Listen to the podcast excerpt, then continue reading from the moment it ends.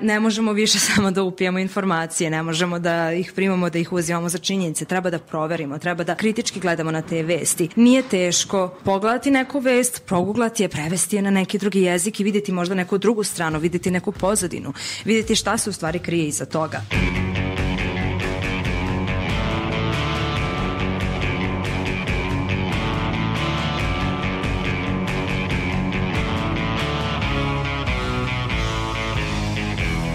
Slušate podcast Reaguj nezavisnog društva novinara Vojvodine. Moje ime je Iva Gajić, a sa mnom na podcastu rade i Aleksandra Bučko, Sanja Đorđević, Irina Čučković i Nemanja Stevanović. U 40. epizodi našeg podcasta pokušat ćemo da odgovorimo na pitanje kako zaustaviti dezinformacije o migrantima koje se svakodnevno šire na društvenim mrežama i u medijima. Svakog dana možemo naći na veliki broj manipulativnih i lažnih informacija o migrantima, ali i na antimigratske grupe na društvenim mrežama. Najveća Facebook grupa pod nazivom Pokret Stop naseljavanju migranata broji preko 300.000 pratilaca. O tome koliko ovakvi profili utiču na širenje mržnje, ali i na same migrante, razgovarat ćemo sa fact-checkerima portala Voice. Ne samo sa njima, već do odgovora pokušavamo da dođemo i direktno od komisarijata za izbeglice, ali i samih migranata. Kako su lažne vesti koje se plasiraju domaćim medijima napisane na srpskom jeziku, one često zapravo i ne dopiru do migranata na društvenim mrežama. Svakako je dobra vest da deo govora mržnje prema migrantima ostaje u online sferi. Razgovarali smo sa dvojicom migranata iz prihvatnog centra u Obrenovcu. Obojica kažu da do sada nisu imali loših iskustava u Srbiji. Naprotiv, čak ne isključuju mogućnost da ostanu da žive ovde. Azar iz Pakistana ima 35 godina i već tri godine živi u Srbiji. Pre toga godinu dana je proveo u Bugarskoj i kaže da se tamo nije osjećao prihvaćeno kao u Srbiji. Želeo bi da nađe posao u Obrenovcu i tu ostane, iako svestan da ovde ne može zaraditi mnogo novca. My reason living for, uh, in Serbia because here Razlog zašto živim u Srbiji je jer se osjećam spokojno ovde. Kada sam napustio svoju državu, kada sam dolazio, nisam još bio odlučio kuda idem. Jedino sam znao da ću ostati tamo gde se budem osjećao dobro, gde budem našao mir. I feel, I feel good, I feel peace, for me peaceful, I will rest. 24-godišnji Muhamed iz Sirije u Obrenovcu boravi nešto kraće od Azara, tek malo manje od godinu dana.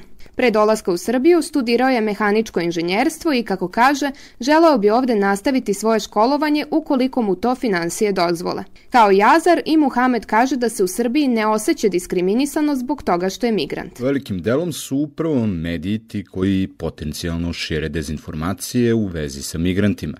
Naravno, osim društvenih mreža a kako bi se u medijskom prostoru povukla linija između dezinformacija i činjenica u vezi sa migrantima, Vojvođanski istraživačko-analitički centar Voice kroz projekat Digitalno poverenje, novinari protiv dezinformacija o migrantima, pokrenuo je Fact Check serijal. Urednik Fact Check rubrike na Voice-u, Darko Šper, navodi da je ovaj projekat važan, naročito kako bi se u javnom prostoru pokazalo da način na koji se prikazuju i tretiraju migranti jeste neispravan i pogrešan. Šper ističe da se do najvećeg broja dezinformacije o migrantima dolazi na društvenim mrežama. Osim na nekim anonimnim portalima, dezinformacije i manipulacije u vezi sa migrantima nije bilo u medijima. Ipak, desetak mladih novinara su tu da provere sve te informacije i ukažu na lažne vesti o migrantima. Desetak mladih novinara prvo je prošlo kroz zajedničku obuku, zatim su ovaj prionuli da kažem poslu i vrlo su se dobrim pokazali Prvi mesec je bio kao i svaki prvi mesec, onako malo su se još tražili, ali već u drugom mesecu su zaista postali vrlo vredni i mogu da kažem da jako dobro barataju tim modernim alatkama, da na izuzetan način nalaze sve te teme i kače sve te raznorazne objave po društvenim mrežama. Ja im na tome čestitam i mogu da kažem da su po, poslali pregršte dobrih tekstova, u poslednje vreme čak i sve više analiza na temu, što je meni kao uredniku vrlo drago, jer otprilike sam na slatkim mukama u određenim trenucima kad koji tekst treba da se objavi na portalu. Govoreći o učestalosti dezinformacije i manipulacije kada su u pitanju migranti, Darko Šper navodi da svakog dana novinari dolaze do novih objava na društvenim mrežama i portalima za koje se ne zna ko stoji iza njih i ko piše na njima. Ima ih zaista jako mnogo i u prvom trenutku pokušali smo da budemo aktuelni i da dnevno pratimo te objave i naravno odmah objavljujemo naše tekstove kako nas konkurencija ne bi pretekla, a onda smo vremenom shvatili da se baš ni konkurencija preterano ne bavi tom temom, odnosno da ne idu da istražuju toliko duboko koliko naši novinari i onda smo u jednom trenutku ovaj, se dogovorili da više ne idemo toliko često nego da više radimo na kvalitetu samih tekstova, tako da pošto su te objave toliko česte, mi smo bukvalno korpus lažnih vesti ubacivali u jednu te isti tekst ko, u kojem smo analiz, analizirali sve te objave koje recimo no, kada odete na jedan od tih anonimnih portala, odnosno nisu to anonimni portali, nego ne zna se ko stoji iza njih, ko ih je osnovao, ovaj, možete naći bukvalno svakodnevno bar po jednu a, antimigrantsku vest koja je u potpunosti netačna ili samo delimično tačna. Susrećući se sa lažnim vestima o migrantima, naročito na društvenim mrežama, Novinari Fact Check rubrike Vojsa nailaze i na komentare u kojima korisnici društvenih mreža iskazuju svoje stavove prema migrantima. Kako kaže Šper, problem je što su mnogi od njih potpali pod uticaj tih lažnih vesti i na njime izgradili stavove podpomognute stereotipima, ali i mržnjom prema migrantima. Naši građani, nažalost, nisu dovoljno medijski pismeni, da su podlegli tom uticaju društvenih mreža, gde se zaista stvarno svašta objavljuje, i gde svaka ta vest koja je iole interesantna ipak je treba proveriti u nekim tradicionalnim medijima. Zašto bi nešto bila vest na društvenim mrežama, a nikada ne bi bila vest u medijima? Mediji, naravno, postoje zakoni i pravila kako trebaju da se ponašaju, naravno, ima tu i medija koji se ne ponašaju u skladu sa našim pozitivnim zakonodavstvom i sa ovaj, kodeksom novinara Srbije, ali u svakom slučaju ovaj, podlegli su tom uticaju i to primećujem i u komentarima na ove naše vesti koje mi objavljujemo, zaista su ti komentari potpuno neargumentovani, puni mržnje prema migrantima, stereotipa, prosto par puta sam se upustio u, u, u objašnjenje ovaj cele cele ove te naše tematike i ovaj objašnjenje konteksta prisustva migranata u Srbiji kao jednog procesa koji eto traje više godina, ali prosto njihove uloge u samom tom procesu, međutim to je to je kao rat sa vetrenjačama. Dakle, ti ljudi ne žele da promene svoje mišljenje o migrantima i možemo mi da napišemo 150, uh, uh, mislim, da napišemo tekstove od 150 lažnih vesti koje su ovaj, ti portali i društvene mreže objavili, kod takvih korisnika to uopšte neće imati nikakvog ovaj uticaja. Kao i svaka lažna vest, navodi naš sagovornik, i lažne vesti o migrantima imaju za cilj skretanje pažnje sa bitnih tema. Sa druge strane, kreatori lažnih vesti se čak i ne trude da izmisle ili prikriju činjenice, pa je lako dekonstruisati ih. Međutim, ovakve vesti se brzo šire, pa je bitno da se na vreme označe kao lažne, kao dezinformacije i kao manipulacije. Toliko su te lažne vesti o migrantima lažne da je provera e, vrlo često vrlo kratka. Dakle, oni objavljuju poluinformacije, oni optužuju migrante da su uradili nešto zašto ne postoji dokaza, gde postoje neke insinuacije, ali su u pitanju NN lica. Oni uzimaju stare vesti, bajate i objavljuju ih kao da su se sada desile, Oni kradu vesti iz inostranstva i objavljuju ih u Srbiji kao da se to dešava u Srbiji i tako bih ja sad mogao da nabrajam do besvesti. Kažem, e, ako već žele, a izgleda da ni ne žele da prikriju laž u tim vestima, onda ovaj zaista je ono deplasirano sada pričati o tim medijima i o njihovim zlim namerama. Mislim to su zle namere, nema tu šta drugo da se kaže jednostavno ovaj to je po meni pisanje o migrantima odnosno ta antimigrantska kampanja je praktično kampanja ovaj, da bi ljudima u Srbiji, Srbiji skrenuli pažnju sa zaista ovaj, pravih tema i pravih zloupotreba i korupcije i čega god, ovaj, gde god se okrenemo, jeli? Sandra Maksimović takođe je deo projekta Digitalno poverenje, novinari protiv dezinformacije o migrantima. Ali je i u okviru projekta Lice krize radila intervju sa 16-godišnjim migrantom iz Irana. Već nekoliko godina ona se bavi temom migrantske krize. Pa generalno u, u domaćim medijima mi imamo oprečno izveštavanje o, o migrantima. S jedne strane imate medije koji izveštavaju objektivno, faktografski, koji izveštavaju o, o događajima, o problemima sa kojima se migranti suočavaju. A zapravo sa druge strane imamo medije koji migrantsku krizu koriste u manipulativne svrhe Um, to ide od toga da se, da se određenim negativnim pričama o migrantima zapravo prikrivaju neke ozbiljnije stvari koje se dešavaju u zemlji, do toga da se migrantska kriza koristi zapravo za promovisanje nacionalističkih, desničarskih stavova. A ti narativi o migrantima koji su već godinama od, od početka migrantske krize prisutni. Oni se tiču uglavnom toga da je migrantska kriza zapravo neka teorija zavere, da muslimansko stanovništvo dolazi da preuzme Evropu, pa recimo da su migranti pretnja po naše žene, da im naša država daje novac, odnosno da su oni opšta opasnost po građane Srbije. Maksimović za podcast Reaguj govori i o popularnim grupama i profilima na društvenim mrežama. Kako kaže, postoje portali koji su specijalizovani za bavljenje tema vezanim za migrante, ali naglašava da se baš na tim portalima može naći najveći broj lažnih vesti. Prvenstveno je bitno istaći da postoje, da kažem, neki specijalizovani portali koji, koji pišu o migrantima u izuzetno negativnom svetlu. I takvi portali su specijalizovani za širenje lažnih vesti, a često i govor mržnje. Um, a znamo koliko govor mržnje može biti opasan kad se prenese u, u delo, kad se prenese u stvarni život ljudi.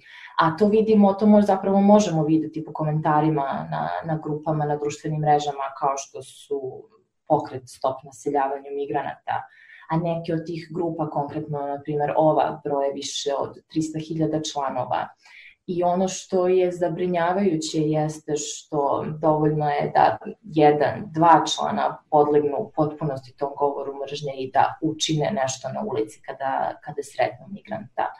Iz tog razloga su um, ovakvi manipulativni narativi, uh, lažne vesti i govor mržnje koji se promoviše, znači kako u medijima, tako na društvenim mrežama, izuzetno opasni. Novinar Vojsa Igor Išpanović dobitnik je nagrade Novosadske novinarske škole za istraživačko-analitički tekst Digitalni šovinizam na Facebooku Dani srpskih nacionalističkih mrmota. Tekst govori o tome da u Srbiji za pet godina od početka izbegličke krize nisu zabeleženi veći incidenti između migranata i domaćeg stanovništva, ali da uprkos tome ciklično buja šovinizam pre svega na društvenim mrežama, ali i na ulicama gradova Vojvodine i Srbije uopšte. Išpanović je kroz analizu odnosa stanovništva i izbeglica i razgovor sa stručnjacima istražio kako i marginalne grupacije i aktivni učesnici na političkoj sceni Srbije tretiraju izbeglice i izmišljaju događaje u kojima su oni navodno učestvovali.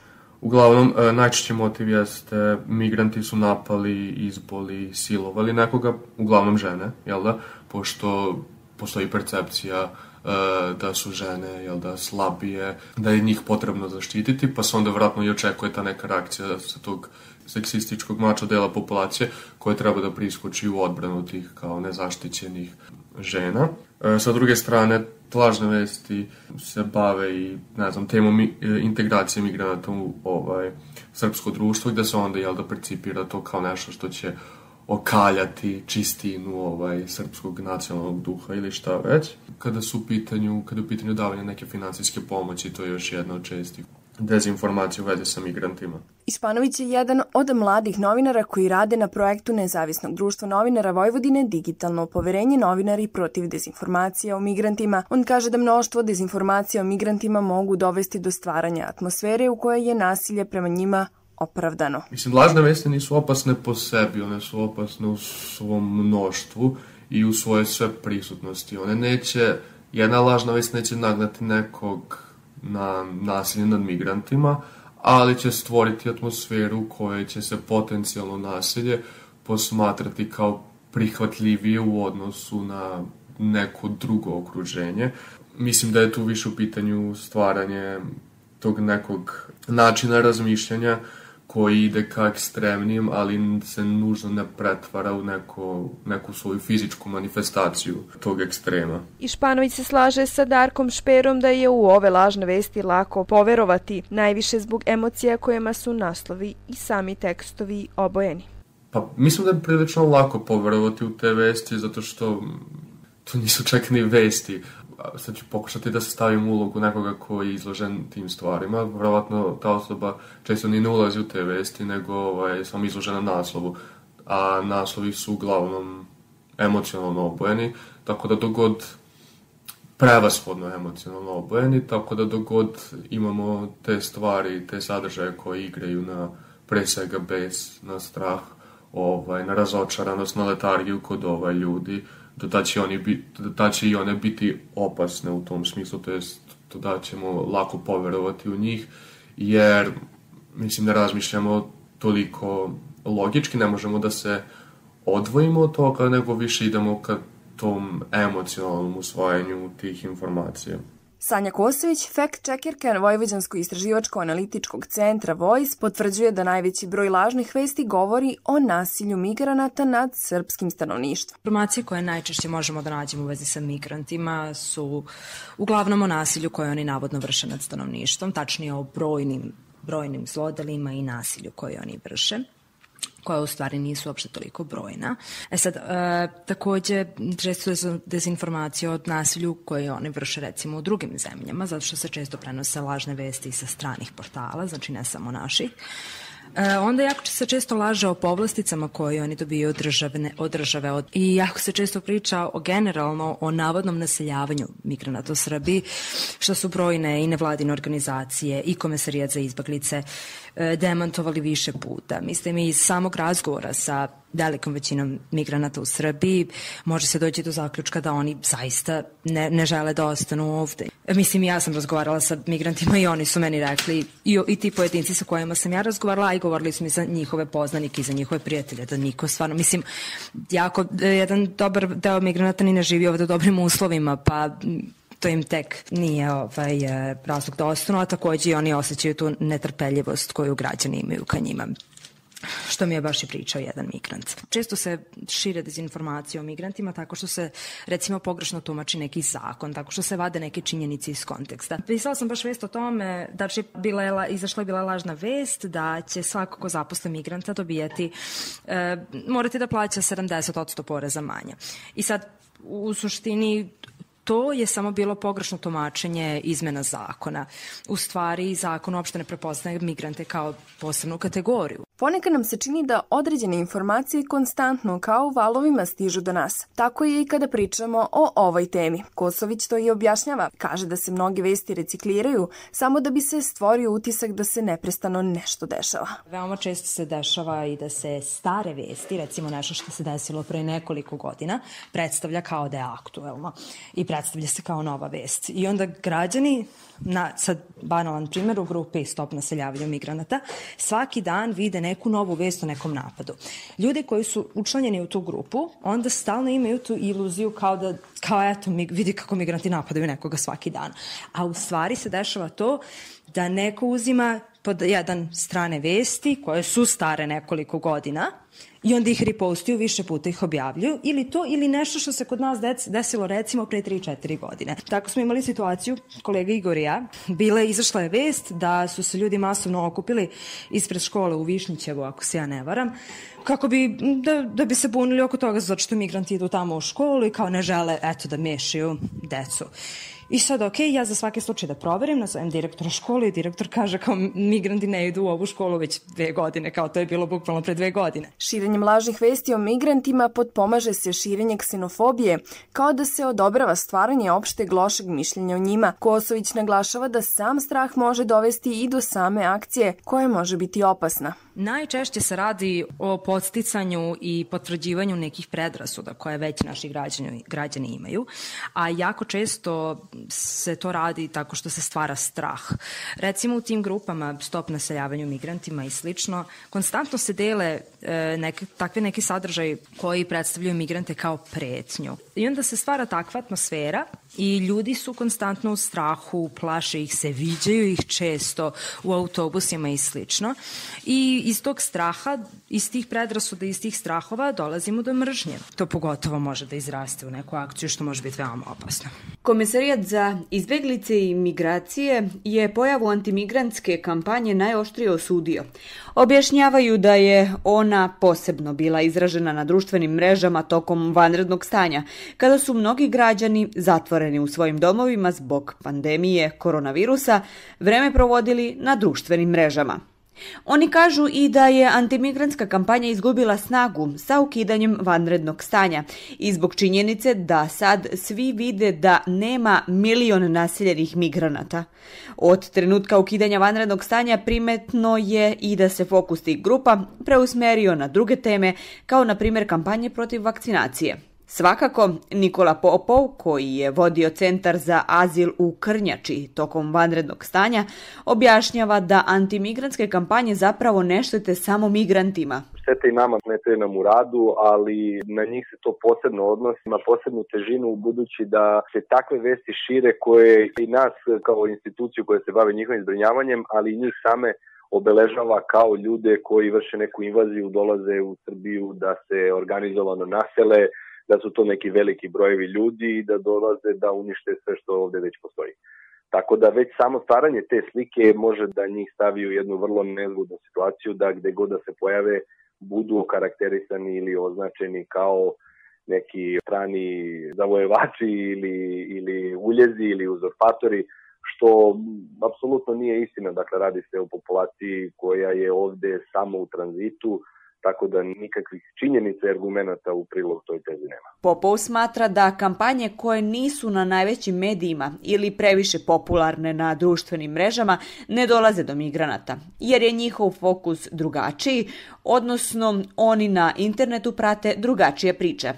Dodaje i da se većina njih zapravo fokusira na život u prihvatnim centrima oni takođe dosta vremena provode i na internetu i na društvenim mrežama, samo njihova interesovanja su potpuno drugačija otprilike 99% njih ima nameru da put nastavi dalje da napusti našu zemlju.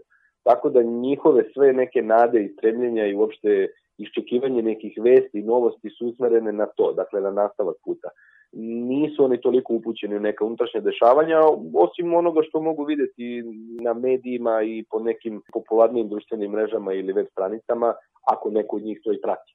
Možda neki bliži susret su imali tamo, moram da naglasim dakle, da su te vesti imale odjeka među nekim organizacijama ili udruženjima koje sprovode određene aktivnosti, tako da recimo u nekim mestima gde su organizovani protesti pored prihvatnih i centara, onda su i oni sami imali, mislim na migrante, oni sami su imali prilike da vide kako to izgleda, šta su stavovi tih ljudi, e, šta oni pričaju, šta oni zahtevaju, kako oni vide migranti, kako oni vide celu ovu situaciju. Iz razgovora sa njima ne mislim da su oni nešto pretjerano uplašeni, možda i nemaju celokupnu sliku, svakako većina njih koja razmišlja normalno i racionalno vidi da bi trebalo i svoje ponašanje da uskladi na to da ne izaziva nikakve provokacije, dakle naravno ne da sebe smatraju nekom drugorazrednom vrstom ljudi, ali prosto poštujući zakone, poštujući pravila i što više se usmeravajući na život i na boravak u našim centrima u kojoj su smešteni, da ne izazivaju previše pažnje. Iako zvanično država navodi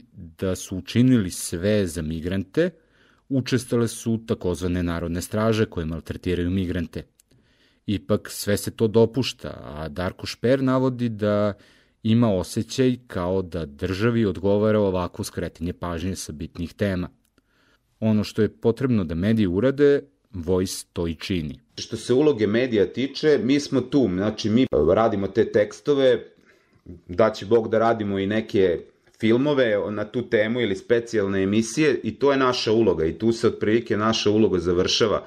Druga uloga je države da pravi ona sama emisije, to jest da, ovaj, da, da radi neke stvari koje bi građanima pojasnile celu tu problematiku ali toga nema. Nemamo emisija obrazovnog karaktera, dokumentarnog karaktera na javnim servisima koji bi o tome pričali. Imamo po nekim drugim medijima poput N1 i, i red, redko malog broja medija koji se danas bave tom tematikom, ali to bi trebalo da bude tema od značaja za ovu državu i da kroz sve moguće kanale komunikacije priča ovo što mi želimo da da, da stavimo do znanja da migranti nisu to takvi kakvim se predstavljaju, da ne rade stvari koje im se pripisuju, verovatno, i oni nekad urade nešto što je protivzakonito, ali ako uzmete neku mikrosredinu gde ima puno migranata i gde se stalno na njih žale da rade ovo ili da rade, rade ono i kada pozovete policijsku stanicu u tom gradu,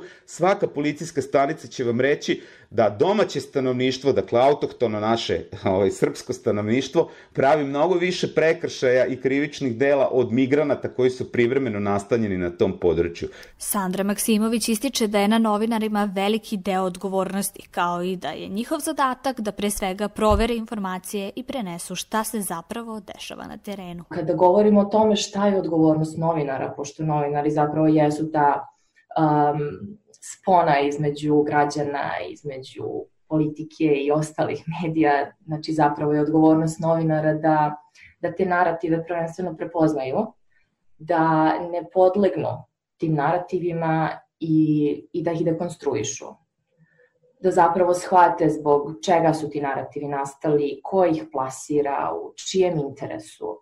I najvažniji zadatak novinara jeste da građanima prenesu šta se zapravo dešava na terenu i sa kakvim se problemima migranti, migranti suočavaju.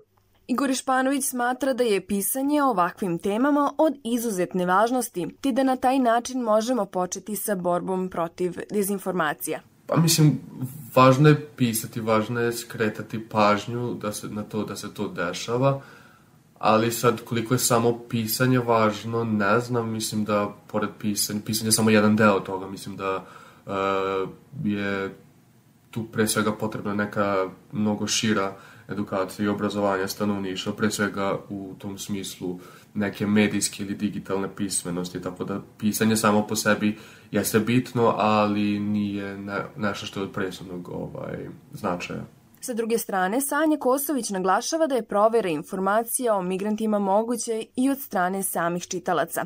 Kako kaže, važno je kritički posmatrati celu stvar. Ne možemo više samo da upijamo informacije, ne možemo da ih primamo, da ih uzimamo za činjenice. Treba da proverimo, treba da kritički, kritički gledamo na te vesti. Nije teško pogledati neku vest, proguglati je, prevesti je na neki drugi jezik i videti možda neku drugu stranu, videti neku pozadinu, videti šta se u stvari krije iza toga. Sada imamo mnogo alatki koje su dostupne svim građanima, mislim, većini ljudi mislim svi imamo internet manje više, svi možemo da pogledamo na recimo Google Reversed da li je neka slika bila tu ili nije, da li se neka slika koristila u neke svrhe ili neke druge svrhe ili nije. Svi možemo da sa Google Translateom prevedemo nešto, pa proverimo. Ili proverimo recimo sa nekim iz neke druge zemlje.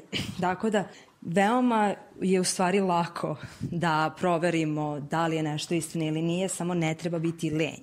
Kada vidimo senzacionalistički naslov umesto da šerujemo, treba ipak da proverimo u stvari šta se tu dešava. A Išpanović za podcast Reaguj daje nekoliko saveta kako prepoznati lažnu vest. Potreban je napor za to i mislim da je zbog toga prilično teško da sad kao svi mi se stavimo u ulogu nekoga ko će aktivno da filtrira te sadržaje i da se bavi time da li je nešto lažno ili nije. To je nemoguće. Ovaj, ali ajde sad neki kao neki saveti kako bismo mogli to da uradimo jeste pogledajte naslov, pogledajte koji je izvor, pogledajte kada je ta vest objavljena.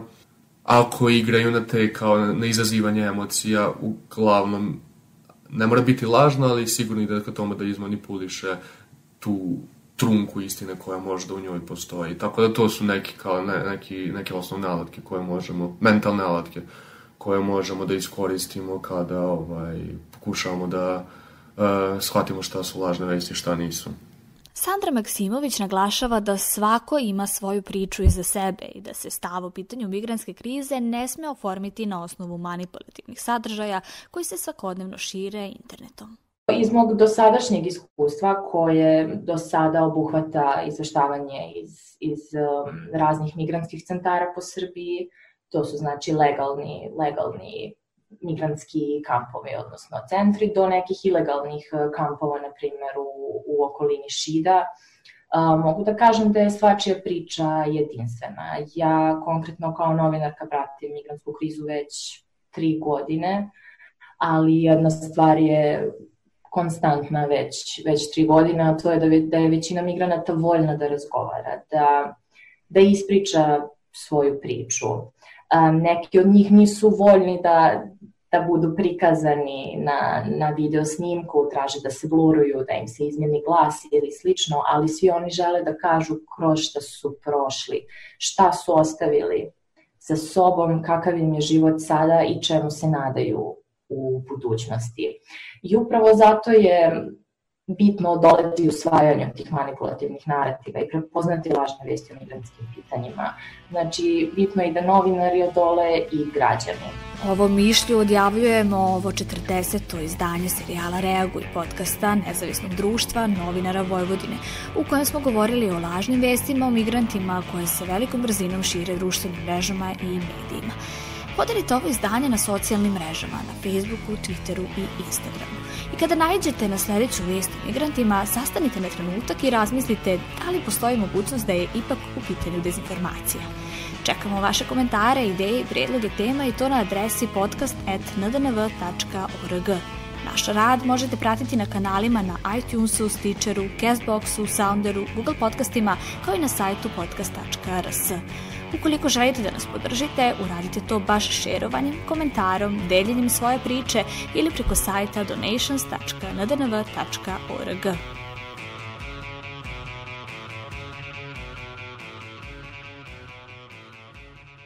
Ova epizoda podcasta Reaguj nastala je u okviru projekta Promocija medijske i informacijske pismenosti i jačanje nezavisnih medija na Zapadnom Balkanu koji sprovodi Novosadska novinarska škola uz podršku ambasade Velike Britanije u Beogradu. Stavovi iskazani u podcastu ne odražavaju nužno i stavove vlade Velike Britanije.